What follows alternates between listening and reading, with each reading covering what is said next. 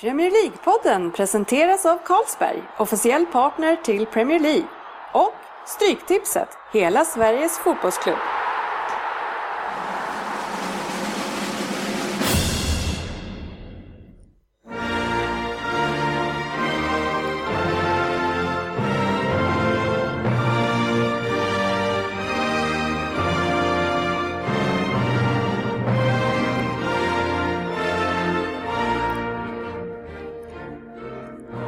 Här Premier League-podden, fansens podcastmagasin om Premier League och den engelska ligan. Här har ni agendan för vårt 41 avsnitt som är del två av tre som är lite grann specialavsnitt. Vi börjar med att presentera nytt blod för Spurs i den här podden.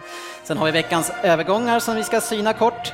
Vi ska gå igenom Community Shield där Arsenal mötte Manchester City. Sen har vi Dennis historia som följs upp med quiztävlingen Vem där? Och specialen det här avsnittet är då att vi ska syna näst, ja, nästan hälften av topplagen som vi räknar topp sju. Eh, så kör vi resten nästa vecka. Sedan har vi veckans debatt och Stryktipset. Välkomna alla lyssnare till säsongens andra avsnitt då som det här är. Och eh, nu är det riktigt nära Premier League. Den här tisdagskvällen så är vi Crystal Palace Svensson, vi är Andersson Könberg, det är jag själv Dennis Kjellin och för första gången Per Eklund, välkommen Per! Man tackar, det är en stor ära att få vara med. Välkommen, välkommen. Inget smeknamn än? Eller? Nej. Nej, men det får man förtjäna lite grann va? Exakt, exakt. Man, man ska gifta sig med en japan eller vara skitdålig på att tippa och... Ja, jag vet inte. Eller en kombination. ja, jag själv har ju faktiskt inte fått något smeknamn, eller tar jag kanske ge mig själv ett Ja, snart. du har många hos oss. Det ligger lågt än så länge. Ja, Nej, men det är grymt kul att ha er här såklart, men eh, som jag sa innan, det är jättekul att ha dig Per. Och, eh, jag har ju vuxit upp med Per och jag vet ju att Per har en enorm, eh, alltså ett enormt känslomässigt engagemang till fotbollen, eller hur Per? Ja, det går väl lite för långt ibland tyvärr. Utan, eh, det påverkar ganska mycket min vardag, men eh, eh, innan säsongen är jag alltid glad Ja. och lycklig. Eh, Efter två, tre matcher så brukar jag geta upp säsongen och blicka framåt. Eh, Men jag tror på stor eh, dåd i år faktiskt. Som alla förstår så hejar han på Tottenham. Märkte ni alla direkt kanske där ute. Ja, egentligen så är det ju faktiskt du som ska hälsa oss välkomna för vi gör ett hembesök idag hemma hos Per, eh, Jättetrevligt. debutanten. Mm, jag har ju ansträngt mig som ni märker. Ja, städat och fint och vi har fått plats i hans otroligt kaffe fina har vi fått också. Ja, kök här. Ja, men Per, eh, ett liv utan fotboll, vad, vad, vad är det egentligen? Ja, det är väl egentligen inget liv tror jag, utan eh, det är väl mer en väntan på, på slutet, skulle jag vilja se det. Ja, Eh, nej, men som sagt var, jag har ju varit Tottenham-supporter som du känner till Dennis, sedan eh, 80-talet. Eh, jag hade min favoritspelare Gary Lineker som kom 1989 till klubben från Barcelona. Jag var ju Tottenham-supporter eh, innan det. Eh, jag blev ju det tack vare som så många andra, man får en eh, vimpel i present av någon som har varit på en match och det var min, min morbror som gav mig en Tottenham-vimpel tidigt 80-tal och eh, på den vägen är det. Har han bett om ursäkt? Nej, Han kunde ha gett dig någon eh, fin vimpel. Ja, jag vet min andra kusin fick en Watford-tröja. Ja, det är fan bättre alltså. ja, jag, tror, jag tror inte han håller på Watford. lugn och fin. Nej, men välkommen Per, jättekul Ja, att ha ja, dig med. det är Ja, jätteroligt att vara jättekul här. att ha dig här. Eller att vi får vara hos dig också. Ja, det är också bra. Eh, jag tänker att vi ska kolla lite grann på de här övergångarna som har varit i veckan och det är egentligen bara två som jag vill lyfta. Vi kanske skulle kunna ha ett rykte också. Den första är en som har lämnat Premier League och det är från ditt Arsenal Per och det är Vermaelen som har gått till Barca. Det är den här inflationen som har blivit kring mittbackar. Att man, man, kan betala, man får betala hur mycket som helst för andra klassens nästan mittbackar. En eller? skadad mittback också. Är han skadad? Han är skadad, han är Ja, borta. han har ju varit skadad de senaste två, tre åren igen. Ja, varit mycket, men att de köper honom skadad efter att ha varit så mycket skadad. Och för den summan som det ryktas en 15 miljoner pund, Ja. eh, runda slängar en 150-160 miljoner för en skadad mittback som inte har spelat ordentligt på en och en halv, två säsonger. Det, det får man säga är en bra försäljning. Ja, Ja, det Jag Ja, kan inte säga något mer än att det är en bra försäljning. Nej, och, och eh, han är ju smart, Wenger. Han, han, ifall han skulle lyckas så vill han ju inte skicka han till United som också har lite problem Nej. eh, med mittbackarna. Så.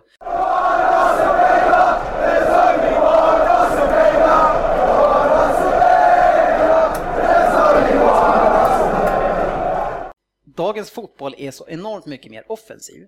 och vilket som gör att man, de mittbackarna som man har, de blir mycket mer utelämnade i, eh, i försvarsspelet, så det blir mycket mer en mot en och det är mycket större ytor man ska täcka. Är det därför det blir en sån enorm jakt på bra mittbackar? Det är ju inte tidigare varit spelarna, men Shawcross har ju kunnat färga till vilket lag som helst. Eh, tror ni att det kan ligga någonting i det? Jag tror lite som de sa vid övergången eh, till PSG här, Chelsea lyckades lasta av Louise för Ja. 500 miljoner. Att det är inte bara att du ska ha en mittback, nu ska den gärna vara en färgstark mittback. Det ska liksom, den ska kunna slått en 3-4 krossar, den ska kunna göra, ligga på en 5-6 mål. Det räcker liksom inte vara den här äh, gamla klassiska engelska stora mittbacken som kan nicka och sparka långt. Nej. Båda mittbackarna ska vara färgstarka. Liksom. Alla topplagen vill ha den här, de vill ha en stjärna på mittbacksplatsen. Liksom. Ja, precis. Och det tycker jag är, det är sjukt att det Finns inte så många. mark- Nej, det finns Nej, det Arsenal har ju marknaden ingen stjärna. Det känns som det finns fler. Det känns att det finns fler bra mittbackar, men de är inte den här personligheten som klubbarna är ute efter. De vill sälja tröjor även på mittbacksplatsen. Liksom. Ja. ja, apropå mittbackar så är det ju nu så att mitt kära lag Manchester City äntligen har slutfört eh, affären och nu är mitt uttal eh, inte säkert helt rätt. Ilaquim Mangala eh, som kommer från Porto, en eh, 23-årig fransman, eh, relativt oprövad. Men eh, som jag ser det så fyller han ett eh, enormt behov i City om man nu, om man nu är en lyckad värvning. Eh, är det någon som känner att de har koll på den här killen?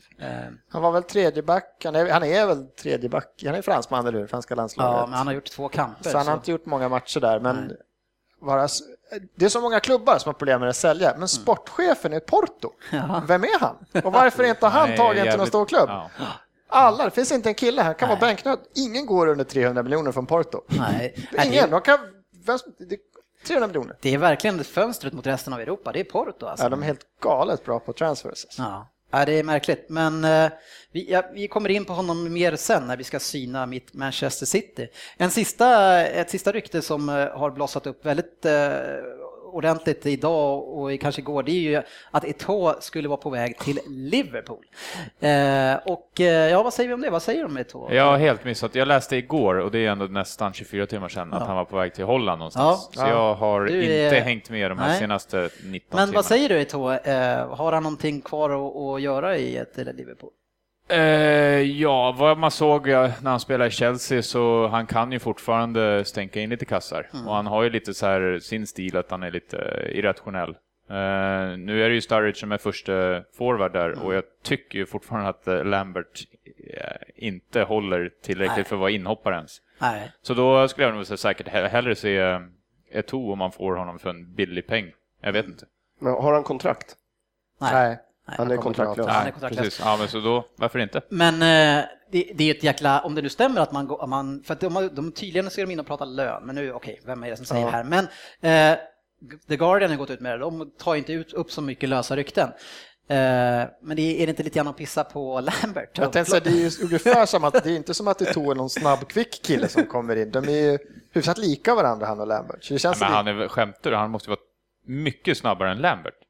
Han är inte mycket snabbare. Nej, inte längre. Han har 39, två, tre steg. Han kanske kvickare första två, tre. Ja, Ja, men. Lambert är inte kvick någonstans överhuvudtaget. Ja, vi lämnar övergångarna och nu ska vi prata den första fokusmatchen som vi haft det här året, eh, som eh, faktiskt var en final eh, med lite, ja, det känns lite som en träningsmatch, men absolut en final. Community Shield som vi kallade för Charity Shield förra avsnittet.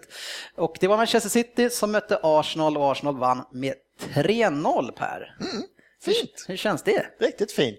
Jag sa det förra avsnittet, jag tror den här matchen är viktigare för Arsenal än vad för City. Det tyckte jag märktes ganska tidigt att det var den. Ja, man kan ju säga att det märktes för att City ställde upp en backlinje med Boyata och Nastasic och sen så Clichy som högerback. Eh, bara där så visar man ju Ja, att ja, man det- inte ja. är intresserad av den här Ja, matchen. det började. Men Arsenal hade ju som sagt fortfarande, vi hade en eh, 19-årig högerback från Southampton som mittback och bytte ut den enda mittbacken vi hade i paus och satte in en spansk vänsterback som mittback. Så att Mm. jag tycker lagmässigt så var det, Arsenal var lite starkare framåt eftersom ni hade fortfarande Agüero borta och sådär. Men ni hade ändå Tseko som startade många matcher. Så att, Jovetic som har sett jättebra ja, ja, så att Jag kan, jag kan lagmässigt så tycker jag det inte var någon större skillnad på vad vi ställde upp med. Nej, Men men nej. Det, inställningsmässigt tycker Ja. jag det märktes skillnad direkt. ja, ja eh, Det kanske känns så för City-spelarna när de vände sig bak och såg Boyata att de bara "Ah, fuck it. Ja, han gick ju bort sig rätt många gånger kan jag säga. Eh, Men, och det som jag, apropå det här med träningsmatch, så gör ju båda lagen jättemånga byten i halvtid. Ja. Det gör man ju inte i en final.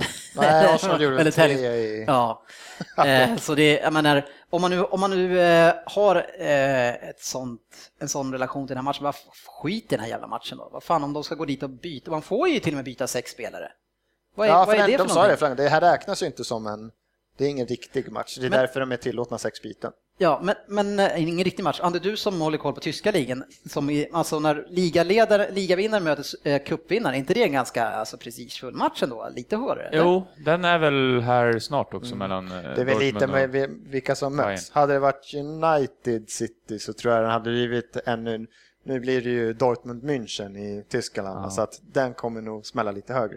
Ja, men ja, jag vet inte, Arsenal City borde väl smälla högt också. Ja, men jag tycker det. Det är två ändå konkurrenter om titeln och sådär. Och det är en vecka innan säsongen startar. så. Ja, jag, men det är som du säger, alltså, om man såg på inställningen så sitter spelare så eh, det är så avslaget och man, man ser att de vandrar runt eh, många utav dem. Ja, då var det flera sådana här ändå som lite stött. Att man tittar på en Yahya Touré som man tänkte Ja. shit, hur ska jag gå för att Teta? Det var ju liksom inga problem. Nej. Så att, ja, för Citys skull får man hoppas att det var inställning där. då. Men som Arsenal, jag kollade på mitt Arsenal och Ja, det det såg göra. ju riktigt roligt ut. Det var, det var kul att se Sanchez komma in i det här som man hoppas nu med att han ska hitta Ramsey och de ska få ett att hitta Arsenal-spelet direkt, att han ska komma in, komma in i det och det såg ju jätteintressant ut.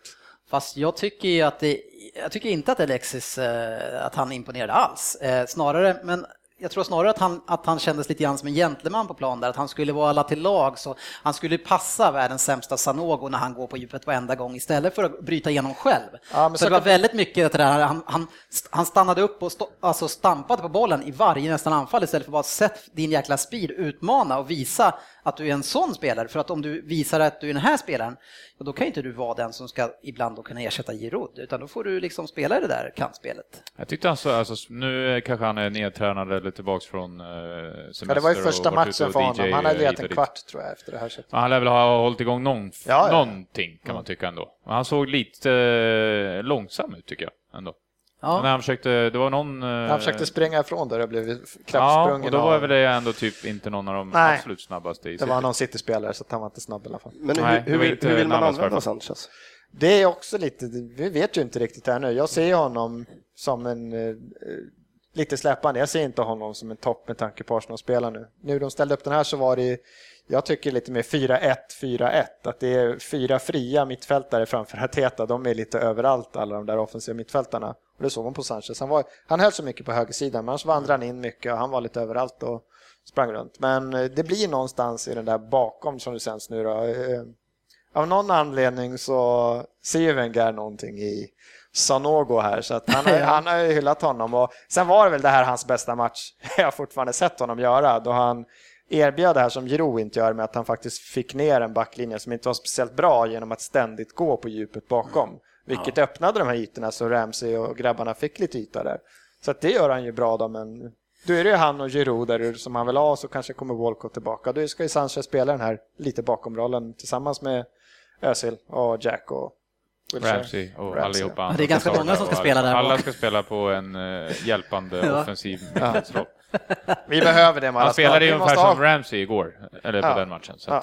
Det Ja, att och som Özil och Ja. Rosicki, de är så många på samma, Samma position. Ja.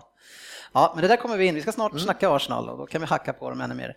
Eh, Men det, Andy, som vi, du har ju- ju lyft Nastasic så många gånger att han är liksom den som vi ska kunna luta oss mot, en talang. Alltså, ser inte du hur usel och Nej, Nu dåligt ska vi backup han kanske är? eh, backa bandet lite. Lyft fram honom som någon vi ska luta oss på. Jag tycker att man kanske ska fortsätta och tro på honom i alla fall. Men varför ska man tro på någon som inte är bra? Men han var 20. Vi, han var ju bra när han kom, så det är inte så att han bara helt plötsligt blir svindålig. Utan då är det ledningen som inte tar hand om honom och stöttar honom genom När, förtroende. när är en mittback som bäst? Hur många 20-åringar spelar i storlag och är bäst på plan varje match? Nej, det det är, är klart. typ Piqué var 23 någonting när han kom till Barca och blev riktigt bra. Ja, alla kan inte vara som John Stones som bara direkt går in och Ja, övertygar 18 och dominerar, eller som Chambers. Nej, men jag tror fortfarande på honom faktiskt. Ja, du, du, Jag tyckte inte ens att han var så jag var inte helt oäven när det ryktades om att. Arsenal ville ha honom. Att nu ska vänsa något, han är så långt bak. Så det är inte jag helt. Ja, Ta in honom. bara ta, ta en Boyata på en gång. Boyata blev Ja, bortgjord. Han blev bortgjord i varenda anfall, till Men med eh, på springa. spelade högerback, men Michael Richards, han var ju på bänken va? Ja, Han eh, känns som Han att kom in och blev lagkapten. Jag tycker det är lite ett hån mot honom. Han får aldrig spela. Ta kaptensbilden när du får komma in. Du är ändå ja, City-spelare. det är jättekonstigt alltså. Om man nu ändå ska ha kvar han i laget. Och, Ja, då, det finns ingen anledning om, man, om de ändå ska ta över vänsterbacken på hans plats. Ja, det är hemskt, stackarn. Clichy var ju fruktansvärt dålig också, som han, hade- alltså, i defensiven. Det är så lätt att göra bort honom. Och så när, när han står bredvid eh, Boyata, alltså det, och det är ju bara att gå igenom. Det, vad säger du om Kolarov som du sågade nästan hela ja, säsongen? precis. Jag har ju varit eh, väldigt negativ mot om hans eh, försvarsspel. Jag tror att under det senaste halvåret, året, så har han blivit smartare. Jag vet inte om han har blivit snabbare, men han har blivit smartare på att förstå hur han ska utnyttja sin, kanske sitt bristande eh, steg eh, även i defensiven. Så jag tycker att man, Jag han, tycker han han- blir inte omsprungen på samma sätt som han blev förr. Men vad är det, fyra gånger första 20 där han toksteker. Så att han, jag tror han hittat ett nytt sätt. Vänta, alla är snabbare än vad jag är. Ja. Om jag sparkar ner dem, Ja. då kan jag inte Det springa är en ifrån bra, det är en taktik som det ofta såg brukar ut som fungera. hans plan i alla fall. Han hade ett par riktiga kapningar där i början. Ja, men det, då, men det, alltså det, oavsett om det är det han gör, att han tar frisparkar i rätt lägen, så syns det inte längre. För det, det var väldigt många gånger, det, det var bara peta bollen och spring så är det förbi eh, Kolarov. Så vi vet ju att han är en av de bästa offensivt i ligan. Eh, det är inget snack om den saken längre eh, på hans leveranser från kanten. Så har han bara löst det där nu så är det jättebra. Men kan, ja, vi blir ju inte av med Clichy för han har ju skrivit på ett femårigt kontrakt och nu ska han dessutom spela högerback också. Ja. Nu går vi in på spelare, nu, Nej, nu går avslutar vi in och matchen. vi ska, kanske. matchen här ska avsluta. 3-0 blev det, sa vi, Ja, va? men Vi precis. att det blev 3-0. Eh, Cazorla gör mål, eh, Ramses an- 2-0 mål i vackert. eh, Kommer in och chippar, är... chippar bollen över Nastasic nästan retfullt enkelt men eh, otroligt fint. Eh, Och Giroud, eh, är det touch på skottet eller är det rakt in i mål? Jag trodde det var det först, men när man ser repriserna så tror fan inte det är det. Nej. Jag kan inte se hur den där kan ska få gå in överhuvudtaget. Ja, det är ett konstigt mål att Är det målet sen 1,20? Den går ju rakt över, över målet sen. Ja, Det var... Skilacci. Ja, vi går Ja, tillbaka först. Schillaci var ett, ett annat form av skott. Men Casorlas första mål tycker jag är kul. Jag tycker det är kul att se hans, det han gör på plan, för han är någon som faktiskt ryktas här på slutet när vi har börjat tagit in en del spelare på de offensiva mittfältspositionerna som var på väg bort lite grann. Och då kommer jag in och se han gör den här första, där, hans första halvtimme är riktigt rolig. Han jäkla kvicka fötter alltså. Det är riktigt roligt att se. Ja, jag har svårt ändå att se Cazorla platsa i det här laget sen när alla ska vara med. Liksom. Det, det, är- det är som vänsterytter då ibland då kanske. Ja, vi får se. Mm. 3-0, en titel. Ja, grattis Ja, Per. grattis Per. Tackar. Grattis. Grattis, grattis.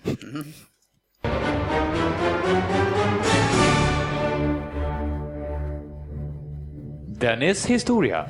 Jajamän, och eftersom det är så här att Per gör debut idag så ska veckans historia gå i de vitblå färgerna och den ska ge, den ska ge oss en bild av mannen som ska lyfta Tottenham Hotspur den här säsongen och han heter Mauricio Pochettino. Är det bra uttal Per? Jag kan inte uttalen själv så att Ja, jag men tyckte då- det lät utmärkt. Ja.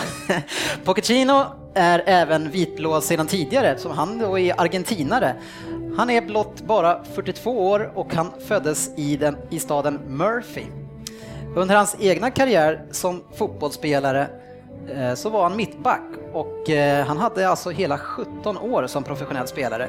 Och mestadels av dem spenderade han tiden i den spanska klubben Espanyol som håller till i Barcelona. Och eh, han gjorde över 300 matcher för den klubben och var en enormt viktig kugge i det lagbygget då såklart. Eh, det blev även 20 landskamper för Argentina. Han påbörjade även sin tränarkarriär i Espanyol och var lagets tredje coach. Men han avancerade sedan till huvudcoach för laget. Eh, och en spelare som han tog in i det här laget, det var faktiskt Osvaldo, vilket som förklarar varför han helt plötsligt dök upp i Southampton. Det är, börjar man gräva lite grann på ytan så, så hittar man grejer. Ja, det gick lite blandat för honom i Espanyol. Eh, det finns ju bara ett par, tre lag där som kan prestera i den där ligan. Eh, 2012 så fick han lämna då laget låg sist med 9 poäng efter 13 matcher. Och istället då så blev han signad av Southampton 2013 och eh, faktum är att han redan första säsongen då tangerade klubbens bästa resultat någonsin med att bli åtta och eh, överträffade även klubbens poängrekord i Premier League. Eh, succén gjorde då att han nu är på plats i Tottenham och eh, vi ska se om han kan få ordning på det här ihopköpta laget efter Bale-försäljningen. Eh, han föredrar som eh, de flesta nya managers nu för tiden att ha en högt pressande försvarsstil som eh, ska skapa oreda i uppbyggnadsfasen och vinna tillbaka bollen snabbt. Och det brukar ju leda till eh, matcher med väldigt mycket mål och det är ju positivt tycker vi som inte håller på Tottenham. Det blir roliga matcher att se Tottenham hoppas vi. Eh, lycka till säger vi i podden. Eh, hoppas ni i alla fall kan bli femma, det är så ni håller borta från Champions League. Nej. I veckans Vem där? så ska vi hitta en spelare som har spelat med Pochettino. Eh, och inte i Espanyol utan i PSG i Frankrike där han spelade 2001 till 2003. Ett mycket talangfullt PSG som bland annat innehöll Ronaldinho, JJ Okocha och Arteta. Ja, han var väl lovande. Eh, men även en herre till och den, mina herrar, den ska ju ni klura fram med hjälp utav mina ledtrådar och såklart så har han spelat i Premier League. Ja, det var din eh, tränare, manager för ditt lag Per. Eh, Känner du igen eh, allt som sades? Ja, det var lite nyheter faktiskt som, eh, som det kom. Just Osvaldo, det kände jag inte till. Nej. Eh, Jag hoppas vi inte får han till Tottenham. Men, eh, men i övrigt, det är väl det bästa nyförvärvet för år som Tottenham har gjort. Eh, per är helt till sig för han tror att direkt att Andy gick in och eh, började googla på det här men Andy tog såklart upp en eh, anteckningsapp. Ja, ja, av men- flygläge. Ja, han är väl ingen dålig vinnare heller va? Nej. Eh, Jag, poäng- jag varit mer nervös när Per började skriva och han skrev ner vem det var redan nu. Jag inte var jag har fått den här lysande idén 2001, ifrån. 2003. Ja, är Jag tycker vi skulle, vi skulle inte ha årtal. Du vet ju det, vi ska inte ha en årtal. Han var 2001. Nej, men han- men du vet ju inte hur gammal spelar ni för det. PSG startuppställning 2001, Andy bara, pff, ja det är han. Ja, fast det är ålder som han kan. Du har, du har inte förstått det där riktigt. Nej, det är, inte, det är inte så svårt. Poängställningen i snitt då, vi har bara kört en gång efter första gången, det är att Per Svensson, du tog en tia, eh, Andy tog en åtta, Söderberg tog en sexa och Lundqvist som aldrig, ja, han tar väl fan aldrig mer än en fyra, han tog en fyra. Så eh, nu Per, är det bara att slå det in här emellan. Och det går till så då att ni säger ett namn när ni vet eh, och det är bara en person som får rösta på varje poäng. Är ni redo? Ja.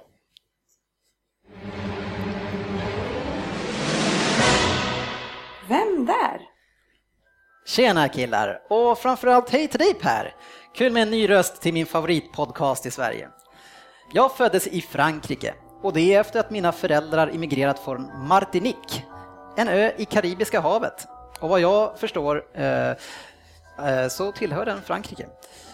Jag började min karriär i Paris Saint-Germain som eh, 16-åring och spåddes en lysande karriär som stor målskytt. Jag är 1,85 lång och man kan beskriva mig som en kvick spelare med bra blick, teknik och skott. 2002 spelade jag i mästarklubben Manchester City. Ett lag som innehöll eh, stora spelare som Peter Schmeichel, eh, Distin, Sean Wright Phillips också. Eh, under 2002 till 2005 så gjorde jag 37 mål där och det är på 89 matcher. Ett bra målsnitt då, då det laget som City, ja inte riktigt är som det som är nu. Eh, och en annan Premier League-klubb som jag också har spelat för, Ande, ja, Fan. På 10 poäng, ja. Känner du lite stressad att eh, Per tog en 10 sist, att du måste leverera här? nej, jag tog ju en åtta så att det är inte så att jag var, jag varit jättelångt efter. Ja, vi ska säga det sista. Eh, En annan Premier League-klubb som jag spelat för är Bolton Wanderers. Per, Jag får inte gissa på samma. Nej, ja men ändå. Men vänta nu, eh, hur tidigt får man gå in där egentligen? Han får, gå inför in och nästa titta, poäng? han får gå in och titta han vill. Per gissade på 8. Per Eklund ja. Jag gissar inte, det var... Var det du som gissade? Ja. Ja. Fantastiskt. Vad fan, Jag tyckte vet du satt och också- ryckte till här. Ja, men fan, jag vet ju också, du hade inte ens börjat läsa. Vad fan är det här? Jävla skit. Det är bra Eklund. Ja, snyggt. Framfötterna. Ja, nu kan jag lyssna hela, hela sex poängen också. Ja, och 8. Framförallt åttan. Ja, för alla er andra och för Crystal Palace Svensson som blir sist här i rummet. Om, ni- om ni nu gissar rätt. Ni ser ju väldigt eh, självsäkra ut. Ja, för åtta poäng. Min karriär har varit väldigt mycket upp och ner. Eh, bland annat så spelar jag på säsonger i Fenerbahce, men har annars även tillhört Real Madrid. Så det är ju rätt bra spridning på mina klubbar om man säger så det är svårt att säga varför det aldrig riktigt helt lyfte till min potential. Fast å andra sidan så beror ju det på vad man har för krav. Eh, och du hittar ju på min meritlista bland annat fyra ligatitlar, sex cuptitlar och ett EM-guld. Så det är ju inte tokigt. Eh, för sex poäng. Jag kom tillbaka till PSG, men eh, som i andra fall och andra klubbar så kom vi inte överens och jag hamnade i Liverpool på lån och det är året där vi kom tvåa. Houllier ville inte förlänga mitt kontrakt utan han satsade istället på El Hadji Diouf. Och det var då jag gick till Manchester City. Eh, min bästa tid hade jag nog ändå då i Chelsea tror jag och det var där jag fick spela på högsta nivån under fyra år och gjorde oftast bra ifrån mig. Men 38 eh, mål på 125 matcher var ju inte super men jag vill minnas att jag var rätt bra i början i alla fall. Per, har du gissat där på sex eller? Nej, är du klar där? Ja, ja. Är du klar? Ja. Ja, du gissat. Ja, bra. För fyra poäng. Det som man eh, minns mig för kanske mycket, det är att jag såg som, såg som en enorm talang när jag kom till Arsenal. Eh, som väldigt ung då efter PSG och man hade enorma förväntningar på den unge fransosen som jag var. Det gick superbra första året och jag valdes till årets unga spelare i England. Och detta var 1997 och Andy, jag är född 1979. Fansen och pressen vände dock mig ryggen väldigt snabbt och de tyckte att jag saknade engagemang och gav mig elaka smeknamn och de ville inte ha mig kvar. Och det gjorde ju då att jag inte heller ville vara kvar, så jag bad dem att bli såld och då slog Real Madrid till. För två poäng. Jag har varit i fler klubbar än Darren Bent, tror jag. ja, men man har ju sett väldigt mycket av världen eh, från storklubbarna och även från mindre. Och utöver det som jag nämnt så har jag även varit i Shanghai, i Juventus och senast i West Bromwich. Och jag tänker att våra nykomling, vår nykomling Per Eklund, du får berätta, vem är det som vi söker? Eh, Nicolas Anelka. Jajamän. Va? Hade alla den? Ja. Yes. Andy, du tog den snabbt. Ja. Vad fångar du den på? Eh, nej, alltså jag tyckte väl ändå att jag hade lite koll på fransmännen i PSG, men sen när du sa Manchester City så, Ja. så tog jag. Ja, jag Men det var ju klart det var en liten chansning. Men... Jag var fel ute för jag tänkte först men jag var inne på fel. Jag, tänkte Djorkaeff, fan PSG, han kanske kom fram där. Så, här. så jag var inne på det på spelat i Premier 10. League. Va? Som aldrig har spelat i Premier League. Ja, Bolton. Bolton? Är det så? Ja, han var ju det.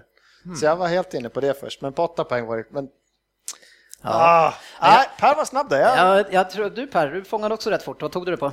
Eh, ja, det var just eh, City också, men Andy var ju snabbare där. Så att, Ja, ja Bolton, eh, Bolton och City, den eh, kombinationen är ju... Eh, har man lite koll så fångar man upp den. Men eh, ja, Per. Ja, jag missade åtta. Ander var snabb, jag hade aldrig klarat det snabbt som vi det, men en, eh, fan åttan skulle jag haft det. Men Per var riktigt giftig. Yes. Bra jobbat killar, det är, ni har varit duktiga båda. Det är sämst eh, på alla här i alla fall, så är det sämst sex poäng. Eh, vi ska gå in i våran special nu då, som är topplagen, eh, där vi ska syna dem lite grann. Vad som skett från förra året och vad vi förväntar oss det här året.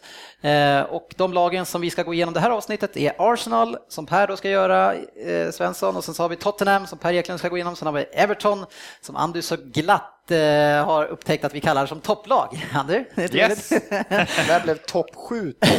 Så Vilken... Ja, men det är en fantastisk liga. Ja, Och, ja, precis. eh, och avslutningsvis ska vi ta mästarna, eh, Manchester City, och det är jag som tänker att jag avrundar med dem. Och Per, du får ju äran nu och vi har ju pratat en hel del om Arsenal, det känns ju bra att vi kliver på det igen. Och, jag har ju en- gett dig en agenda och jag tänker att ja, du får köra igång. Du hugger i. Mm. Ja. Eh, ja, Arsenal denna säsong ser ju fruktansvärt roligt. Eh, Vi har gjort ett bra fönster. Det är Mm. inte ofta man kan sitta så här tidigt, inte näst sista dagen på transferfönstret och säga att vi har gjort ett bra fönster än så länge. Och än finns det lite kvar. Eh, vi har ju blivit av med lite dödkött som eh, vi slipper betala lön för. Ja, berätta. Eh, vi har ju nu sist då, som vi pratade om, Fermalen lämnat för Barcelona. Det är tråkigt att förlora en kille som, han var ju grym här för en tre år sedan och var liksom, han är ju vår lagkapten och har Ja. varit det, sittandes på bänken. För att han, han äh, det, var, det har varit en riktigt, han, är, han har inte klagat, han har kommit in och gjort sina matcher och sådär och varit vikarierande vänsterback när han kom tillbaka för han petade inte någon av mittbackarna, han har varit skadefri heller. Sådär. Nej. Vem tar över bilden? Eh, jag tänkte komma till det sen. Ja, men du får Eh, ta det redan nu. Ja, då tar vi det redan nu menar du. Du måste ja. vara lite flexibel här. Ja, jag måste tydligen vara det. Är det är väl det som jag har blivit lite... Arteta har fått lagkaptensbinden. Så att jag vet inte om Wenger har en strategi med att han vill ha en bänkspelare som lagkapten. För att jag har väl inte riktigt sett honom. Det är väl det som sett som fortfarande svaga länken. Att det är Aha. där vi vill ha in en kille. Eftersom Arteta, jag tycker inte han klarar den rollen riktigt. Nej. I det här äh, som verkar blivit ännu offensivare Arsenal med de värvningar man har gjort. Och då är, det läggs en otrolig tyngd på honom att Ja. klara av alla de omställningarna och allting. Som vi vet att han inte klarar. Som vi är väldigt oroliga över att han inte ska klara av, heter det. Eh, nu gick det hyfsat den här matchen mot City, så att eh, för, ett litet hopp tändes att han kanske kan få en Herregud, nytändning. Men från den ja, matchen. jag vet inte. Han är i alla fall kapten, Ja. så vi får se. ja, jag tycker det är märkligt. Men eh, ja, jag hugger snart igen på det där. Ja. Annars har vi blivit av med Jero som varit utlånade ett par svängar till Hamburg. Vi har Jenkinson som blivit utlånad till West Ham. Tycker ändå bra att låna ut en sån kille och inte helt skeppa iväg honom ännu eftersom våra nyförvärv där är inte speciellt unga. Eh, vi har lastat av Fabianski till Swansea. Eh, Sanja till City. Han ville tjäna pengar tydligen så han gick och ska sitta av sin karriär där. Jag vet inte vad han har tänkt. Han ville inte att Arsenal skulle tjäna några pengar. Nej, det vill han inte. Sen en av de konstiga värvningarna, han har ju alla coacher gjort sådana, men vi blev ju av med den här Park som Ja. kom in och typ första, det första som hände när han blev värvad var att han kunde ju bara stanna ett år, för efter ett år skulle han tillbaka i lumpen i Sydkorea. Nej, det var så jättekonstigt. Sen fick han inte spela för det var något, nej det var jättekonstigt. Var det någon sån där ledning som sa att nu vill vi sälja tröjor i Ja, Asien? vi behöver en asiat, liksom. det verkar jättekonstigt. Eh, Men det är det vi blivit av med. Det, var, det är ingen förlust sådär, någon av dem, så att det var väl bra. Det är väl Sanjada som ändå var bra och vad jag sista nu ryktas om är att han faktiskt blev erbjuden ett treårskontrakt till och med av Arsenal och tackade nej. Liksom. Så att han ville verkligen bort. Ja, och vinna titlar. Uh, ja, ja, ja. Han ville tjäna pengar heter det. Men eh, nyförvärven är mycket roligare att prata om. Vi har tagit in eh, Mathieu Debussy från Newcastle. Ja. Eh, som faktiskt petade Sanja under hela VM-turneringen. Jag tyckte han gjorde det riktigt bra. Jag tyckte det ska bli riktigt spännande att se när han kommer in. Jag tycker det är en perfekt nyförvärv när man tappar en sån rutinerad högerback. När det ändå ställs ganska höga krav på en backlinje. Vi spelar så offensivt och ska vara det bollförande laget alla matcher. Eh, han är väldigt offensivt lagd. Han kommer runt, han slår bra inlägg, han kan utmana. Det smäller rejält när han är på banan. Han, han liksom, det är 50-50, då smäller det att möta honom. Det gör ont. Sen har vi tagit in eh, Colin Chambers från Southampton. Ja. Eh, som Wenger tycker var helt sjukt. Wenger går ut typ samma dag som skrev på att ja, det här är lite av en chansning. va, va? Brukar man säga så? Man brukar väl ändå försöka boosta upp sina nyförvärv. Men han bara, det här är lite av en chansning. Men jag tror att det kan ha blivit lite misstolkat vad han menar. För att jag tror han menar att Colin Chambers ska vara en kille som ska gå in och spela mycket i år. Och det var det han menar att det är lite av en chansning. Jag ty- tror inte att själva värvningen av Chambers är en chansning. För det är en kille som är, spelar Premier League i en, en säsong och är 18 eller ska fylla 19 här liksom. Och jag tycker det är, en, det är ett jättebra nyförvärv. Det visar han i de här matcherna också där han har spelat än så länge. Att det, är en, det, är en, det är en ung kille, Ja. men han går ju bort sig lite sen. Ja, han, han väldigt juniorgrej. Ja. Kolarov gjorde någon vändning Ja, bara och så var det bara gata in i Ja, straffområdet. Så det, men absolut, eh, det där Och- får jag ju en Ja, just att det här är en bra värn tycker jag eftersom han är väldigt funktionell på plan. Han kan spela, han gick in och spelade mittback, han är egentligen högerback men är tillräckligt bolltrygg så att eh, i framtiden så ser Wenger det här som en defensiv mittfältare eller en mittfältare. Så att, eh, ja det är ett bra nyförvärv, det gillar vi också. Ja, får se. Sen har vi tagit in eh, en konkurrent till Sersny som vi inte har haft riktigt. Vi har haft Fabianski och sådär och Vivan, Viviano som vi hade förra året. Men Sersny har ju varit ohotad i de stora matcherna. Det var han som skulle stå och det vet vi alla att i våra lag, har man en bra konkurrent på målvaktsposten, det krävs för att det liksom ska funka. För de håller inte i alla matcher. Det blir upp till en 45 matcher, 50 matcher om man går långt i alla turneringar. Då behövs det en konkurrent på första, första platsen tycker jag. Och det visade Ospina i VM att det är en bra keeper. Så att han kan nog konkurrera med Sersny ganska direkt. Och sen det stora nyförvärvet, än så länge den här sommaren, är Alexis Sanchez från Barcelona som är ett sjukt bra nyförvärv, jag kan inte säga något annat. Att få en sån bra kille från ett sånt storlag för i runda slänga 300 miljoner. En kille som snittar en mellan 15 och 20 poäng minst per säsong som avbytare som han var i Barcelona. Det är klockrent. Ja. En Arsenal-spelare. Absolut, en, en jättebra fotbollsspelare. Förstår inte hur jag kan gå till Arsenal, eller se om Nej, men grejen är så här nu då. Nu har vi gått igenom era nyförvärv, vad som har gått in och gått ut. Om vi kollar på Arsenal förra säsongen, man började ju fantastiskt bra och alla backade hem och hade enormt svårt, med Ramsey, Ramsey var ju alltså bäst i världen under ett par månader.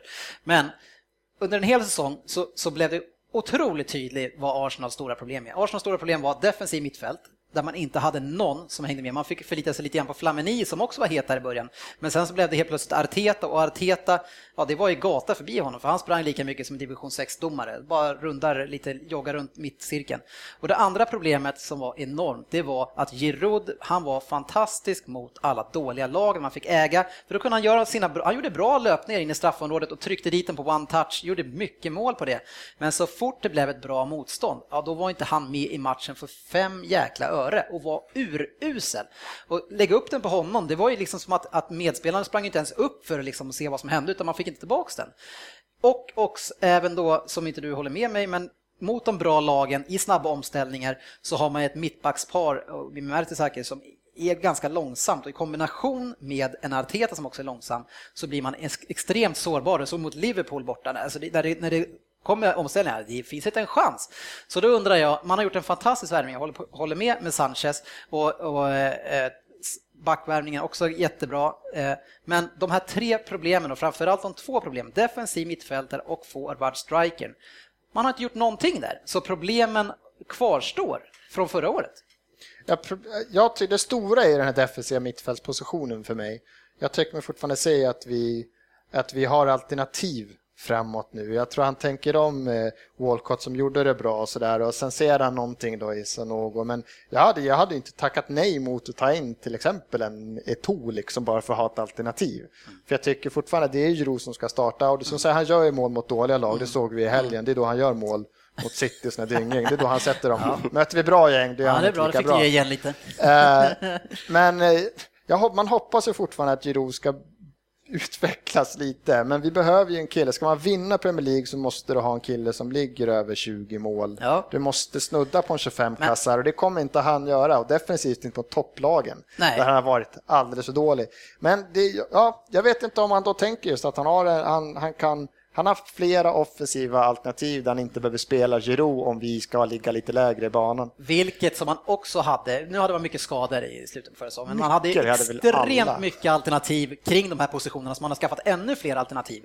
Man har så, man har så mycket duktiga offensiva mittfältare så man kan liksom fylla tre, tre lag och liksom ha topp i ligan på det.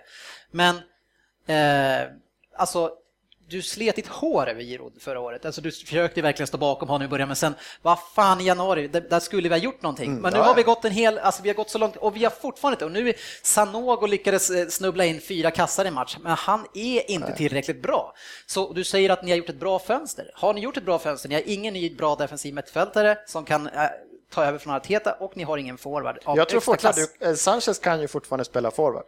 Ja, han kan så, spela forward. Ja, men då kan, kan spela forward. Han, han gjorde det i Barcelona och gjorde Är han dålig eller? Han kan ju gå in Nej, och spela han forward. Han är, han är ju djupledsspelande ja, forward. Precis, han är en Walcott. Eh, och han är någon annan som kan springa på lite, lite rulle liksom, men ingen den där som man kan lyfta upp bollen och ta emot. Ja, men ska vi, ja, men det skulle ju vara om vi skulle köpa in en, alltså en, en annan Giroud, alltså köpa in en sån, men det finns ju ingen, det finns ingen 25-årig sån spelare att ta in. Det finns liksom inte. Jag, jag, jag, kan inte se vem de skulle kunna lyfta in som är lik Juro, den här mottagaren, bollmottagaren som skulle klassa honom. Han är inte det, liksom. Diego Costa? Ja det, ja, det finns ju många. Det är bara att man, antingen så prioriterar man fel saker eller så, eller så kan man eller inte Eller så kanske de inte får, kan nej, köpa Nej, dem. de får inte loss de spelarna. Men jag säger det, jag hade inte tackat nej till den forward, men jag tycker fortfarande att det stora, det han måste göra någonting åt de här dagarna, två veckorna som är kvar knappt, det är ju att få in en defensiv mittfältare. Och då blir jag lite orolig när han går så här tidigt och så gör Arteta till lagkapten. För jag tycker ja. att det är våran, det är våran svaga länk. Och det är att säga att han inte tänker göra någonting. Nej, det är våran svaga länk tycker jag mot att vi ska kunna hålla och vinna, vinna Premier League. Det är att vi inte har den riktiga städgumman där. Men du säger ändå att ni har gjort ett bra fönster då? Alltså. Ja, men det måste jag säga. Med vi skulle kunna legat sett så mycket värre ut om man tittar på vad vi har tappat. Det var ju Sanchez i stort sett som gjorde det kan man säga. ja, det är Vi hade kunnat sätta med, vi hade kunnat sätta med Jenkinson som högerback bara. Ja, ja, vi går vidare. ut eh, mot en jag, liknande spelare. Ja, ja. Jag, jag är tveksam. Jag, jag har många fantastiska spelare, men ni har fortfarande två väldigt stora problem. Ja, jag är mer orolig över defensiv på mittfältet som sagt. Jag skulle gärna in en forward, men vi måste ha in en defensiv mittfältare, annars är vi nog borta helt, det tror jag nog. Eh, så som vi ställer upp nu när vi har alla tillgängliga, nu ja. ser det inte ut så ligastarten här. Nej, men jag, men jag tänker att, att det vi ska dra nu, det är vad vi tror som är den genomgående första uppställningen Ja, under hösten. Ja, vi kan inte hålla på återkommande. och eh, skjuta från höften med några skador. Nej, men Nej, precis. utan Och- bästa elvan vi kan ställa upp med och eh, då tror jag fortfarande att vi har Sersny i mål. Han visade mot City här då uh, Jovetic är det som får ett riktigt bra läge. Han dyker ner vid högerstolpen och räddar väldigt fint. Att han utvecklas ju fortfarande. Han är väl 90 tror jag, så att Ja, han är fortfarande är inget fel på 24 år. Det är en ung keeper fortfarande, så att han, han, jag tror fortfarande på honom. Men det är fint att han har fått lite konkurrens. Vi kommer ha Debussy på högerbacken, vi kommer ha Mertesacker, the big fucking German, eh, Koscielny och Gibbs ute på vänsterkanten. Eh, Vi kommer ha Arteta i den här riktiga städgummerollen, vår nya kapten. Sen kommer det stå en Ramsey, en Özil, en Sanchez, en Wilshire framför honom. Sen exakta positioner där, det är väl lite svårt. Vi har en Özil som gillar förra Jag vill ha en exakt position på Özil. tack. Ja, Özil och Sanchez vill ha det. Båda två gillar att dra sig lite åt högersidan och komma in i mitten. Så att det kan bli lite spännande att se om han ska få ihop de där två. Eh, Ramsey och eh, Wilshere är inte så svåra, de är centrala spelare. Och, ja, det har varit jättekul att se. Jag var lite orolig för att man hade Ramsey nu och jag såg någon annan träningsmatch innan då han var inte alls som man blivit orolig, men att se att han fortfarande har det här form. Nej, ja, det han, han kommer bara fortsätta lyfta i år tror jag. En Underbart att fantastisk spelare. Eh, sen blir det på topp som är, det kommer ju bli Giroud eh, som startar. Eh, sen får vi se här när Walcott kommer tillbaka, hur han gör med Sanchez när Özil kommer tillbaka och sådär, vem som, vem som spelar. Jag, jag, jag, jag har svårt att se att Giroud gör liksom 25 matcher uppe på topp. Sen är det mycket mer att han kan nästan dela jämnt med någon annan. Och sen blir Sanogo. Walcott eller Sanogo som kommer få spela eller om det är Sanchez, det är svårt att säga. Men Giroud kommer få chansen från början där uppe. Men vad tror du om Sanogo? då? Ja, man blev ju glatt överraskad när han mötte Benfica som ändå ställer upp med typ sitt startlag och gör fyra mål, vilket sen två av dem var riktigt bra mål också. Sen var det två skitmål, han får öppen kasse typ. Men han visade att han kan göra mål. Det var hans fyra första mål i klubben. Så det var skönt att se. Yes, plocka ut er nyckelspelare och berätta hur går det det här året? Ja, nyckelspelare, om vi ska ta en så tror jag fortfarande det som förra året att få en Ramsey som är skadefri och fortsätter utvecklas som han gör. Det såg vi den här matchen också, som vi har pratat om målet han gör. Eh, han är fan, han, det är fan läskigt att säga, men han ser fan komplett ut alltså när han är i den här formtoppen. Han gör kvicka passningar på mittfältet, han vänder upp, vänder spelet, han kan jobba hem, han tar tacklingar. Eh, framspelare, avslutare, han kommer in i straffområdet, Karn är fan överallt alltså. Så att, att behålla honom i den här formen och ge han det här förtroendet, fast vi har Özil och fast vi har Sanchez, att, att han får vara viktig, det, det är viktigt för oss. Ja, och nu får vi höra Per. Hur går det för Arsenal i år? Eh, Arsenal kommer utmana oss så länge vi är skadefria. Jag tror att vi kommer vara ett eller två den här säsongen. Ja, offensivt. Vad, vad säger ni andra? tycker det lät lite vågat. Ja, jag tror också... Trupp, eh, truppen är ju väldigt tunn. Ja, eller den är tunn på vissa ställen som, Ja. som Dennis påpekar och eh, med tanke på lite hur de andra lagen ser ut och har värvat så 1-2 blir svårt tror jag. Ja, det, alltså om man, om, man, om man förstärker man måste ha en forward, man måste ha en defensiv mittfältare. Gör man det, då kan man vinna ligan. Absolut. Jag är lite Om det- inne om på det är det bra. vad Per säger om forwards. De har mycket offensiva spelare som kan göra mål. Klart Mm. man vill ha en superstriker, men alltså får de inte in en defensiv mittfältare så spelar det ingen roll vem som spelar där uppe. Nej, jag, jag tänkte också på det, jag, men jag vill inte tjata så mycket, men det är eh, Pers nyckelspelare, jo det är, det är den defensiva mittfältaren, men, men tyvärr så är inte han tillräckligt bra för att utnämnas som nyckelspelare, men den, i det systemet med alla offensiva spelare så är ju han verkligen Ja, nyckeln i ett lag. Så det är lite jobbigt att han heter Arteta och är lagkapten eh, just nu, det förstår jag. Eh, ja, vi lämnar. Tack, bra jobbat Per. Eh, nu ska vi eh, stanna kvar i London och vi ska gå över till Tottenham, Per. Och nu, Ja, äntligen. ja, Nu jäklar! ja, Det var en tio minuter lång mardröm av Per Svensson. men eh, nej, men nu, nu transferfönstret har inte alls varit speciellt upphetsande om man jämför med, med förra året när alla Bale-pengar spenderades. Och, jag tror det viktigaste i år, nyförvärvet, är ju coachen. Ja. Pochettino. För jag, jag gillade verkligen eh, Southamptons spel och även på träningsmatcherna så ser man hur han vill att laget ska spela och mot Schalke så fick jag, tycker jag, en... Det såg väldigt, väldigt bra ut. Utan eh, trycker upp jättehögt. Eh, det finns folk där framme mot Villa Boas då förra året. Han gick lite vilse där och spelade med en forward och när de väl kom mot straffområdet så var det ofta en vilsen soldado där som försökte fånga bollarna, men det, det gick ju liksom inte. Men eh, nej, utan det, det är nog det bästa nyförvärvet och, och egentligen eh, det enda nyförvärvet som man egentligen känner till vem, vem det är. Visst, Ben Davis och Erik Dyer från portugisiska ligan. Unga, Ja. spännande. Men är det inte så att det här är kanske, nu, nu får vi ju snart facit när vi går in i ligan, men är det inte precis det som behövdes för Tottenham nu? Lite lugn och ro, kanske få in någon annan med nya idéer, men nu har man, man värvade in en spelare för en miljard nu, liksom, nu måste vi se till att få det här att fungera istället för att skicka in ännu fler nya stjärnor. Eh, för bra trupp, det finns det ju. Ja, och eh, det är precis som du säger att förra årets nyförvärv, det tar ju tid att komma in i Premier League. Det är en svår liga och, och om man inte har spelat där tidigare eh, med tempo och eh, att det går ruskigt, ruskigt fort. Så jag tror att eh, i år Christian Eriksen kommer att vara ännu bättre. Han var väl kanske bästa nyförvärvet förra året. Jag har förhoppningar på Chabli, belgisk VM-spelare, att han ska kunna växa några steg. Eh, men framförallt eh, min stora favorit är Erik Lamela. Som Ja. jag tror eh, kommer, eh, ja, han kommer visa att eh, där har vi en superstjärna. För det har vi inte sett, det såg vi inte ens Är det där tendenser någonting som till. känns bara som att du verkligen, eh, verkligen bara hoppas och vill? Eller Ja, för har det är många har som vill. Sett, ja, han spelar i Tottenham, så han kommer från Roma. som Har du, sett, gillat. eh, har du sett några liksom, Ja, antydningar på att han kommer? Ja, men absolut. Alltså, jag vet ju när han värvades till, eh, eh, till Roma och jag tyckte att det nyförvärvet var intressant för, för Roma, en ung argentinare som eh, det skrevs jätte, jättemycket om och han gjorde det väldigt bra i Roma. Sen han kommer till Tottenham så, eh, nytt land, eh, nya lagkamrater, relativt ung fortfarande och eh, blev skadad direkt. Eh, nu har han en försäsong. Eh, han får en friare roll som han behöver, en liten nummer 10-roll. Eh, och under träningsmatcherna har det sett jätte, jättebra ut. Men så har de även gått ut med att eh, truppen måste minskas. Det är 32 spelare i eh, A-laget, 25 får registreras. Jag har eh, en fråga då, när du säger, eh, jag har ju hängt med lite där eh, vad Pochettino, nu vet jag ju inte, det är inte han som vanligt själv som säger de här grejerna, utan det står i tidningar och diverse, men att eh, en av mina favoritspelare i Tottenham, Michael Dawson, ska bort.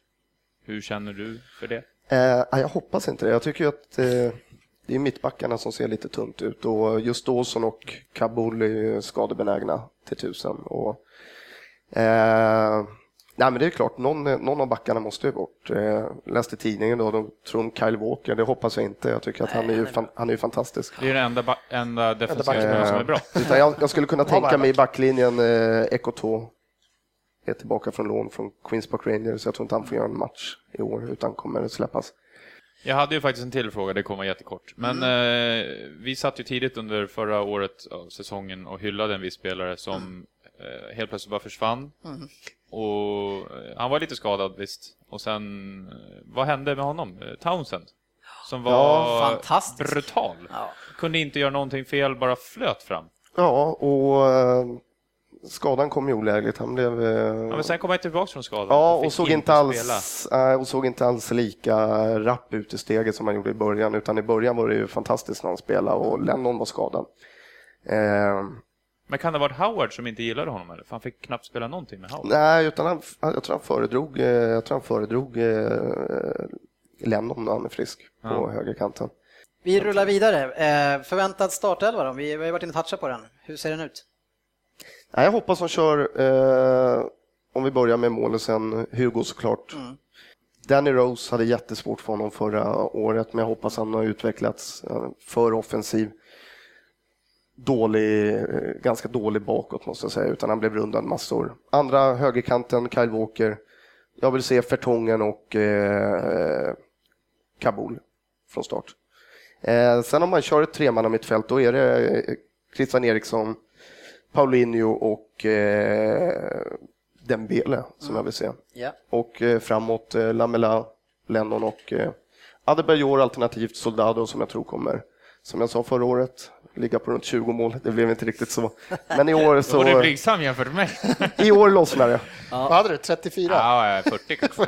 40 mål. Ja, men det kommer i år. Jag tror att det, Vem är det det hänger på i år? Vem är nyckelspelaren? eh, att de får behålla målisen och Hugo. Det är, Det är Hugo Lloris som är ja, nyckelspelare. det är nummer ett. Han, Jag tyckte han var fantastisk. Ja, jobbigt. Nyckelspelare, målvakt. Eh, Andu, Ska vi hoppa in lite grann och kika vad som hänt Everton sen Ja. förra året? Vi har ju, det har ju dragit ut lite på tiden här, så jag Ja, känner att jag blir- kanske, kanske kommer hålla lite kortare. Ja, Jag eh, har varit nöjd med eh, transferfönstret. Mm. Ehm, mest Verkligen. tack vare att vi eh, signade upp eh, Barry eh, och givetvis eh, Lukaku. Mm. Sen fick vi in en ung eh, bosnier, eh, Besic, som jag såg lite grann i VM. Kan nog göra bra ifrån sig. Ehm, inte riktigt säker på om han kommer få spela så mycket första säsongen eftersom han är lite mittback, defensiv mittfältare. En liten, eh, vad heter han i Barcelona? Mascherano, känns det som. Men eh, ett rivjärn och kan smälla på känns det som. Så att han passar nog i engelska ligan i alla fall. ja nej men... eh, Och vi har gjort oss av med sånt som inte spelar överhuvudtaget. Velios gjorde väl någon Ja. match för tre år sedan. Får ni ut 15 mål av Benteke i år igen? Eh, Lukaku menar du? Lukaku menar jag. eh, Jag räknar med att han kommer komma upp mot 20, 20 målsstrecket, kanske över förhoppningsvis. ja, men det, Utan skador och... Ska vi, eh, kan vi lägga ett ben, eh, Lukaku? Nej, jag kommer årets, inte- årets Soldado, Lukaku. Nej, nej, nej. nej Jag kommer inte betta på någonting för då gör han ett mål och skadar sig efter två minuter. nej, men Everton, kommer, Everton har gjort ett fantastiskt fönster utifrån de förutsättningar man har. Ett fantastiskt fönster. Eh, så eh, det är bara att gratulera. Det var roligt att efter de här klubbarna, man var, lite fräckt, lite under, att den Ja. gör en värvning som en ung Lukaku för 300 millar liksom. Det är sjukt kul. Jag tror man kommer att gråta i Chelsea att man inte lyckades kunna förvalta den här talangen och ge han chansen. Istället låter man Torres harva runt där och inte göra något mål alls. Liksom. Det- Ja, det känns det- ju det- konstigt. Då är det bättre att ha honom kvar som inhoppare. Men han kanske inte ville det. Men han ville ju inte vara det. Nej, men, det är nej, så men å andra sidan, Men i så han, fall kämpa för att liksom... Men Torres, han har ju ändå fått spela mycket, liksom, Mm. när, som det har varit innan. Så han har bara varit andra forward, då får man ju spela mycket. Liksom. Och nu, fan, nu gick ju han sönder, Drogba. fram till så jul, va? Ja, så fan, ja, kunna få spela mycket som helst. Vi det stannar vid Everton och säger att det var ett Ja, jättebra köp av honom. Grattis! Tack. Eh, förväntad startelva, Andy. Eh, förväntad startelva Tim Howard som målvakt. Eh, och sen högerback Seamus Coleman. Lite osäker på om han kommer vara skadad. Eh, Jagielka. Nu har inte jag hängt med i träningsmatcherna sådär extremt mycket. Ehm, det blir väl antingen Stones eller Destin. Destin var ju brutalt bra Ja. förra säsongen. Ganska gammal nu, va? Han är 78 tror jag, så att det kan man väl säga. Ja. Eller 79, 78. Men han höll ju förra året, så att, men eh, vi har ju Stones där som eh, avlastar. Och Jagielka är ju kapten. Femårskontrakt på honom. Fint. Ja. Grattis, bara det. Mycket nya femårskontrakt och det är ju det är underbart. jättekul. Ja. Eh, vänsterback, inga konstigheter, Leighton Baines. Sen så har vi då Gareth Barry och eh, McCarthy som gjorde det jättebra och var otroligt jobbiga att möta förra året. Det var väl Liverpool som kanske överlistade dem lite väl mycket. Grann. Framför eh, dem så kommer givetvis Barkley spela. Han var väl kanske lite mer inhoppare förra året. Gentemot Ja, visst var han det? För han spelade det i början, sen var han ju Ja, han gjorde ju superbra och sen så sa alla bara nej men nu har han gjort det för bra, eh, han är för ung, han får inte spela vidare utan han måste, vi måste tagga ner För det var en ganska lång period före jul, runt jul och så här. Då han Han hade lite, lite skador med, han pajade en tå och lite annat också. Eh, men jag tror att han kommer vara den som spelar istället för Osman på den rollen. Femårskontrakt på honom också va? Jajamensan. Ja. Även på Coleman och på Baines, Ja. tror jag, fyra års i alla fall. Som sagt, det ser bra ut eh, utifrån Evertons förutsättningar, absolut. Ja, och sen så eh, på vänsterkanten, PNR gjorde det bra i början, vart skadad. Eh, De köpte in McGeady, som är eh, en irrationell spelare. Påminner lite grann om varandra. Eh, Inläggsspelare, utmanar. Eh, Så att de kommer väl alternera lite grann på vänsterkanten, gissar jag i alla fall. Sen kommer väl Miralla spela på högerkanten. Och Lukaku på topp, tror jag det är. Naismith får väl komma in lite då och då, men startelvan är väl klar där. Inga inlåningar, eller? Nej, inte än i alla fall. Det snackas om den här Atsu, Atsu? Atsu. Christian Atsu från Chelsea. Okej. Lån. Yes. Lån. Ja. Vi måste ha någon lån. Ja, ja, ja. Måste ha en joker. Och det, Definitivt. du, du, eh, det får man ju tacka och ta emot, men det är sådär lite hånaktigt utav eh, Chelsea. De, de kan låna ut till Everton. Inte Ja, det är de det som är skönt med Lukaku till exempel, Ja. att vi köpte honom för vi förlorade med 1-0 mot Chelsea i typ 94 minuten eh, förra och fick året. inte spela med och fick inte spela Ja. med Lukaku. Nej. Så det kunde ju ha hänt lite annat här. Nyckelspelare, vem är, vem är det ni ska luta emot i år? Eh, Jag vill ju säga eh, Barkley. Om han har den kurvan som jag hoppas, som vi vill gärna hoppas med, våra egna spelare, så tror jag att han kan ta ett steg som är eh, förhoppningsvis värre än vad Ramsey gjorde förra året Mm. och bli världsspelare. Ja, ja det, det blir ett spännande år för honom, absolut. Ja, och för oss, kul. Vad tror ni att ni eh, kan lyckas med? Ja, jag är svårt att säga att vi ska komma topp tre, men jag vill ju hoppas att vi kommer in i Champions League. Det är det vi hoppas på eh, varje år. Eh, får vi inga skador och spelet stämmer till fullo så kan vi ju till och med komma högre upp. Men eh, skador på viktiga spelare så är vi ju ganska snabbt borta. Har inte samma bredd som de andra Inte topplagen alls, har. nej. Nej. Nej, så är det. Eh, Ett lag som har eh, bredd eh, ska vi gå in på nu och det är mitt Manchester City. Och precis som du så ska jag försöka avhandla det här snabbt och det var inte riktigt så mitt manus var lagt. Va? Var det inte? Men Det var Per Svensson som drog sina, vad Jag sa du, tror- helvetes 10 minuter. Jag tror att vi har fler fans som håller på Arsenal än Manchester City som lyssnar på det här, så vi får väl ta det så. Men Citys stora problem som jag sett förra säsongen, det var ju målvakten i början och det var mittbackarna. Och det var ju framförallt misstagen på bortaplan av målvakten som gjorde att man liksom hamnade i eh, stora problem och tappade massa poäng, vilket som gjorde att man, man var i en sits där man inte trodde att man skulle kunna vinna ligan. Eh, Men eh, lyckas ju ändå göra det. Eh, Utifrån de fair play-restriktioner man har fått nu då för affärerna som var innan 2010, ska vi lägga till, så har man ju då tvingats att handla med ganska små medel det här året tills för den här veckan. Eh, Och eh, innan det så hade man ju värvat ja, under 200 miljoner tror jag, så det var ju Eh, ganska skralt, men å andra sidan så kände jag att det enda som riktigt saknades det var ju en mittback. Men nu har vi löst det eh, för att Mangala från Porto då som vi sa blev klar i veckan. Eh, han blir ju då ett snabbare komplement eh, till kompani än vad Demichelis är. Det jag är orolig för det är ju det att Demikelis han, han styr försvaret riktigt bra. Jag tycker att han, han växer ju mer man ser honom, eh, både från landslaget och i City. Eh, och stoppa in en ung och, och ganska orutinerad spelare som Mangala är tillsammans med den helt impulsiva och, och galna eh, kompani. Jag är inte säker på att det automatiskt blir ett bättre mittbackspar än vad Demikelis och kompani blir. Eh, så jag tror faktiskt att det kommer att bli mestadels Demikelis i höst, eh, att Mangala får stå lite grann på tillväxt. Jag tycker vårt fönster har eh, varit riktigt bra utifrån de förutsättningar vi har haft. Det är klart man kan drömma om en spelare som Isco. Vad är det för förutsättningar? Ja, alltså financial Fair play, play, ja. ja precis. Att man måste hålla sig lite lugn, hålla sig i reali- realismens värld. Eh, Men en sån spelare som Isco till exempel, hade vi haft pengar då kanske vi hade kunnat nypa honom som hamnat i kläm i Hade vi haft pengar? Ja, okej, vi har pengar men vi får Hade inte vi använda fått dem. spendera våra pengar? Så. Ja, så är det. Men eh, han sitter ju rejält i kläm tror jag i Real. Eh, när eh, James kom dit. Ja, men så. Eh, och som, han har ju haft Pellegrini innan i Malaga då, så han har ju säkert varit sugen på att komma.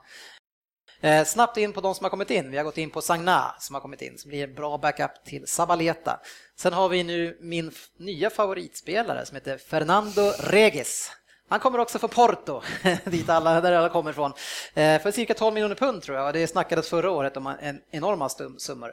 Eh, en spelare som är helt klar, han är 27 år gammal, eh, alltså i- uppe mitt i sin karriär, sitter och köpt ganska många sådana här nu.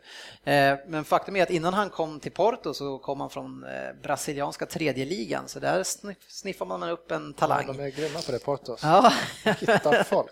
Men han, han får man ju verkligen köra att det var första matchen-grej. Fan vad fan inte bra med den här matchen. Jag såg honom, jag visste inte, det tog en halvtimme när jag såg att han han har ju spelat spelade. varenda match. Ja, Ja, men precis. nu ja, men saken är så här. Eh, det, det han är, han är en, en städare som, som ger balans och lugn och ro i försvaret.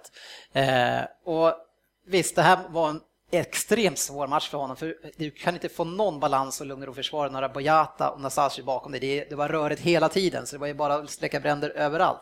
Men det, det vi får, det, det, han kompletterar Fernandinho på ett bra sätt. Det är en spelare där vi vill ha lite mer trygghet, eh, mer defensiv tyngd. Då har vi inne honom. När vi behöver vara lite mer rappare och mer kreativt tänkande eh, tvåvägsmittfältare, då kan vi spela Fernandinho. Så de här två har lite olika profil. Så man ska inte säga att man, ska- man ska inte se honom så mycket. När, när, när försvaret ser lugnt och tryggt och bra ut eh, och man bara ser han fördela lite grann, men då gör han ett bra jobb och det är den spelaren han kommer att vara och han ser riktigt bra ut. Lite av. Gareth Barry alltså. Ja, kanske. En dålig variant av Som Gareth syns. Han kanske har lite bättre steg än vad Gareth Barry har. Ja, Eh, ja. nej, men jag tror att det här kommer att vara ett av årets absolut bästa nyförvärv och kommer att bidra till att City blir ett enormt starkt lag på mitten. Eh, Men då är han inte ett komplement till Fernandinho, då ska han ju spela alla matcher. Jag tror att han kommer att spela, men jag menar att man, om man behöver ha lite mer offensiv profil på laget, ja, då kan man spela eh, Fernandinho också. De är lite olika. Men du jag, sa precis årets nyförvärv. Ja, ett av årets bästa nyförvärv, absolut. Då måste han ju spela alla Då måste vi matcher. starta. Vi kommer till det. Årets nyförvärv som spelar bänken. 20 matcher.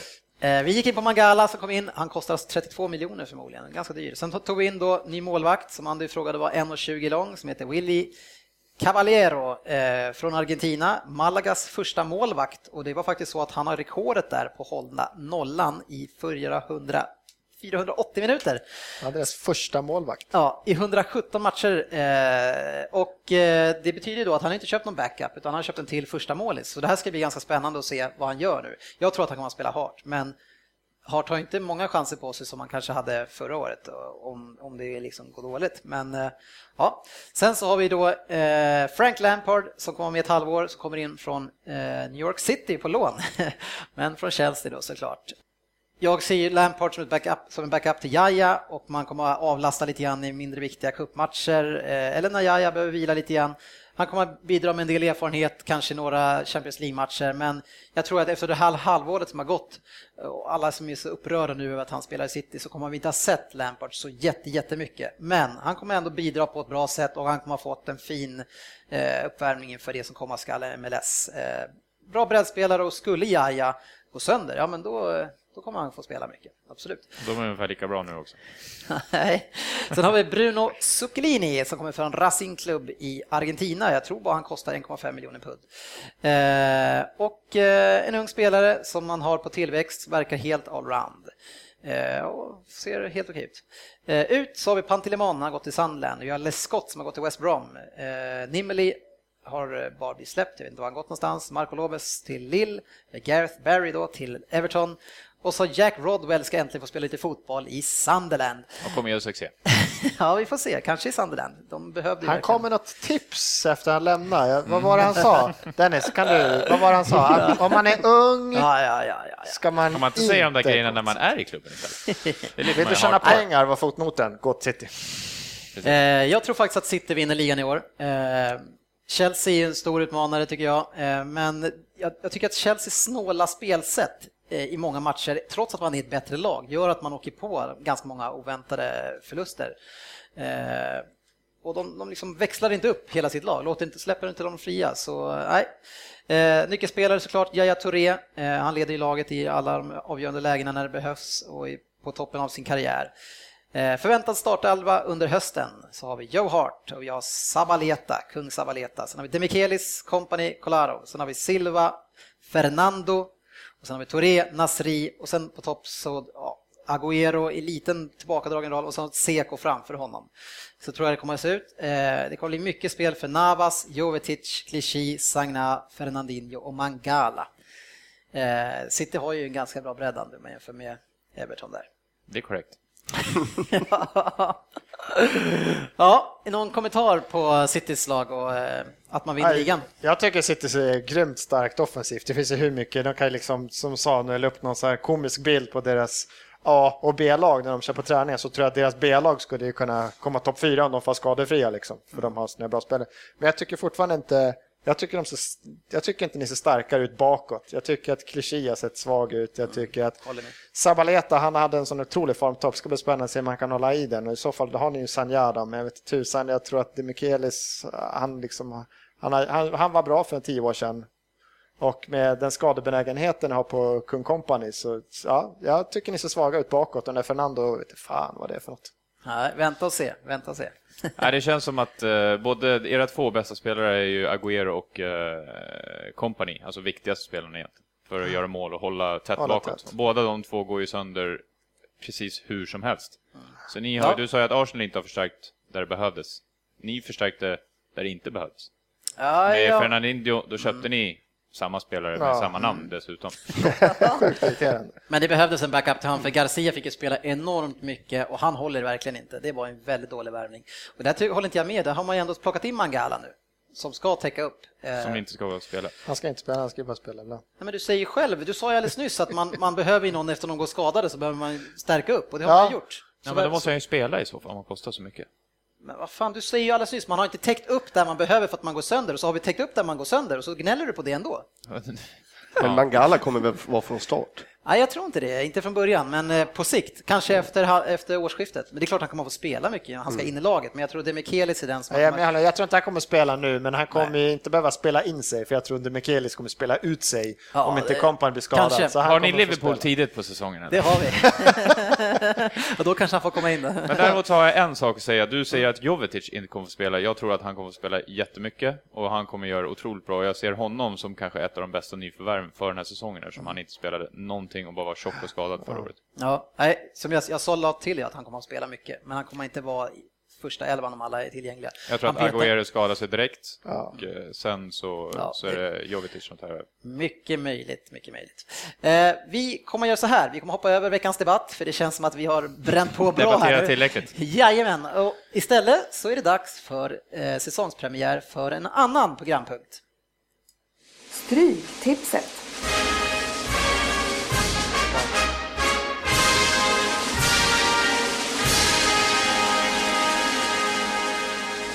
Jajamän, det är dags för Stryktipset och speldelen i, vårt, eh, i våra program.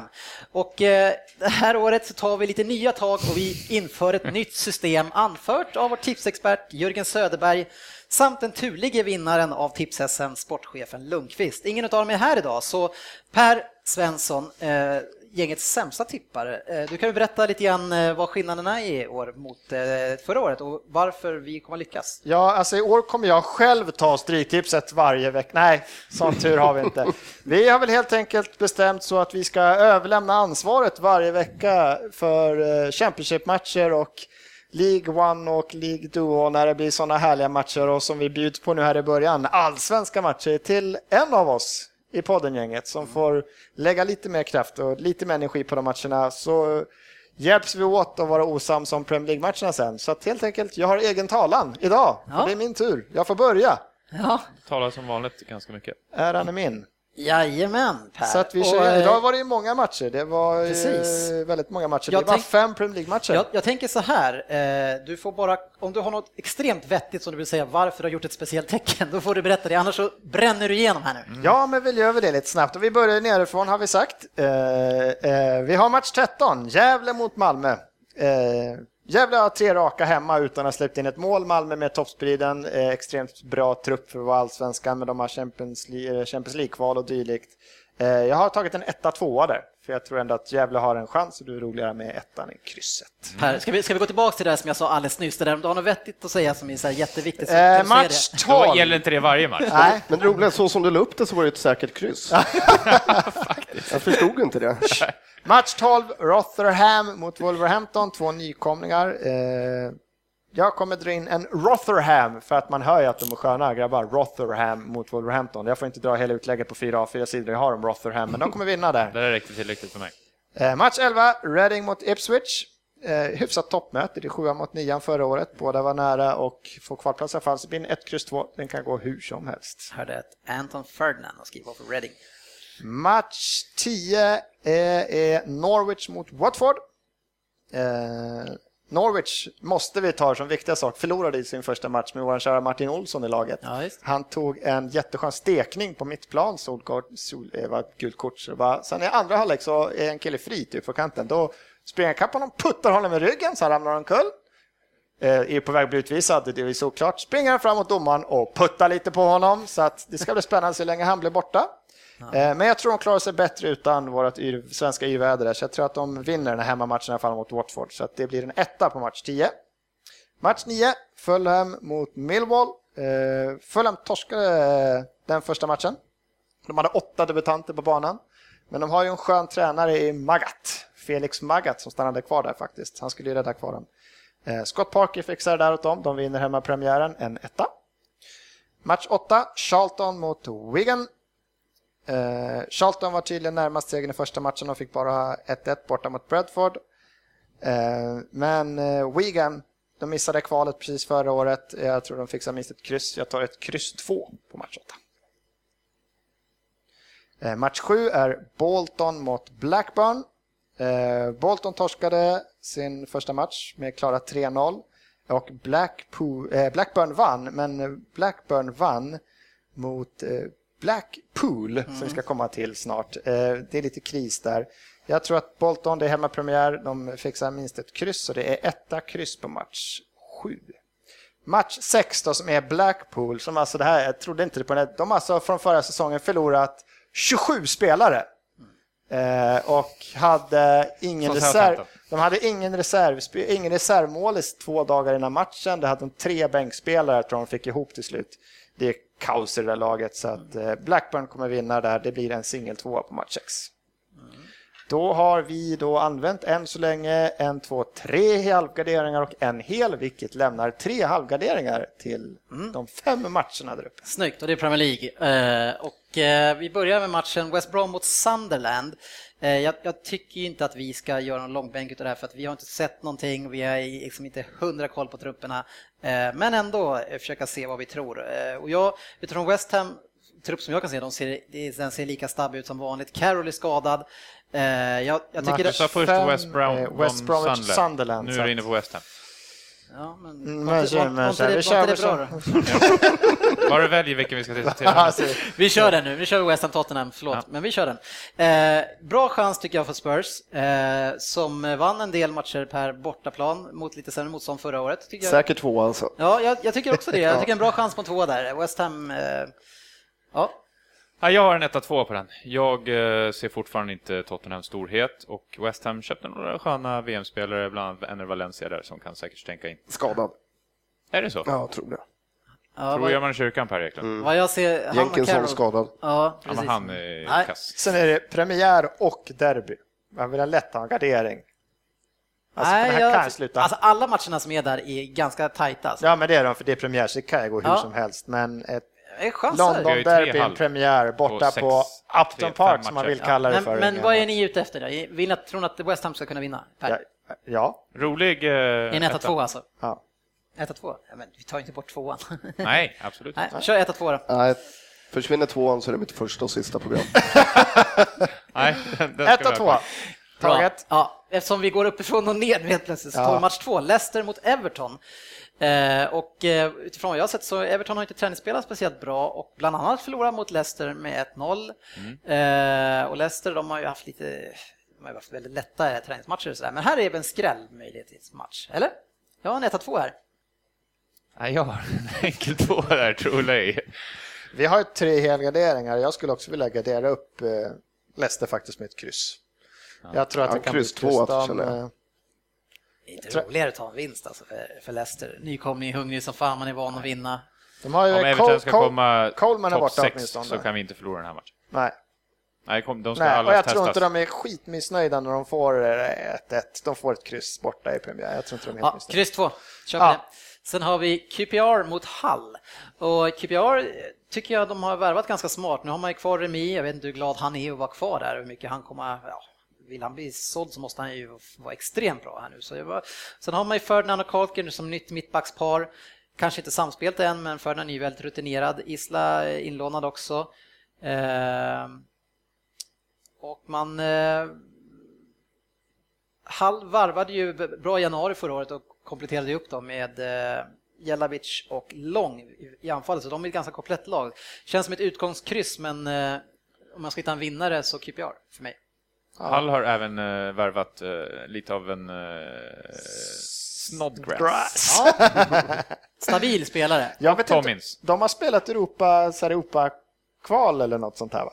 De fick Ja. väl någon Ja, sån här. Jag vet inte hur det har gått för dem riktigt, så jag har ingen koll. Tom Ja, Ince, jag har en eh, uh, 1-2 på den. Det känns som ett kryssmatch. QPR de kryssade fall- igenom sig hela, hela säsongen förra året, eller för, förra. Då har vi ingen gardering kvar. Vi har Stoke, Aston Villa, West Brom, Sunderland. Ja, jag garderar hellre upp den här, än, för det känns som att Stoke kommer att köra över Aston Villa. Aston Villa känns Ja, jag också. supersämst där. Och sen West Brom. Det här kanske är det nya att vi redan börjar diskutera vad vi har i resten av matchen. ja, jag ser också Stoke som klar. Ja, Ja, en etta där. så match fyra är en klar etta innan vi gått in på den. Och Ja. då har vi två matcher att välja på. Vi har West Brom, Sunderland och Queens Park Hall. Jag har kryss två på West. Brom, men eh, ju Jag mer jag också. tänker efter så känner jag att West Brom kommer inte eh, övertyga i år. Alltså. Nej, de har inte... De har De har ju inte Lescott i backlinjen. och han är numera. skadad Han är förmodligen. Ja. Eh, Men ja, och jag tycker att Sunderland verkar förstärka har köpt, smart. ja, de har köpt och de får behålla deras eh, bra spelare. Och nu har de tagit in Rodwell så vi kanske slipper se Sebastian Larsson som inne mitt. Ja. Eh, Det hade ju Har varit... Sunderland köpt Steve Sid- Sidwell också eller? Nej, han Stoke va? Ja, det är till Stoke. Det var det riktigt bra köp. Ja, han är stopp. Riktigt, riktigt. Men, Eller eh, men eh, vad fan, ska vi våga oss på en tvåa på Sunderland då alltså? Och sen, eh, Gardera upp eh, Queens Park. hur, gar, hur garderar vi upp eh, Queens Park Rangers mot Hull då? Ja, Jag hade 1-2, men ni vill ha kryss på den. Så att...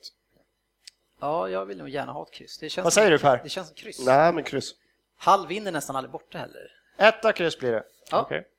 Tack, dra raden Per. Så, uppifrån ner då, kör vi raden denna första omgång. Match 1 ska jag ha fram mina papper. West Ham, Tottenham, 1-2. Match 2, Leicester-Everton, kryss 2. Match 3, Queens Park Hull, 1 kryss. Match 4, med Bojan i startelvan, Stoke vinner med 2-0 säkert. Det blir en etta. Match 5, West Bromwich Sunderland, en tvåa.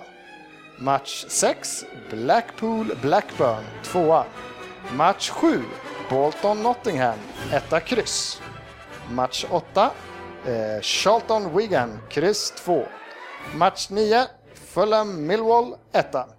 Match 10, Norwich Watford, 1. Match 11, Reading Ipswich, helgardering, 1, kryss 2. Match 12, Rotherham Wolverhampton, 1. Match 13, Gävle-Malmö, 1-2. Kul att du drog mest på den som inte hade någonting med engelsk fotboll att Men han fick ganska klara instruktioner innan vad han skulle göra. Också.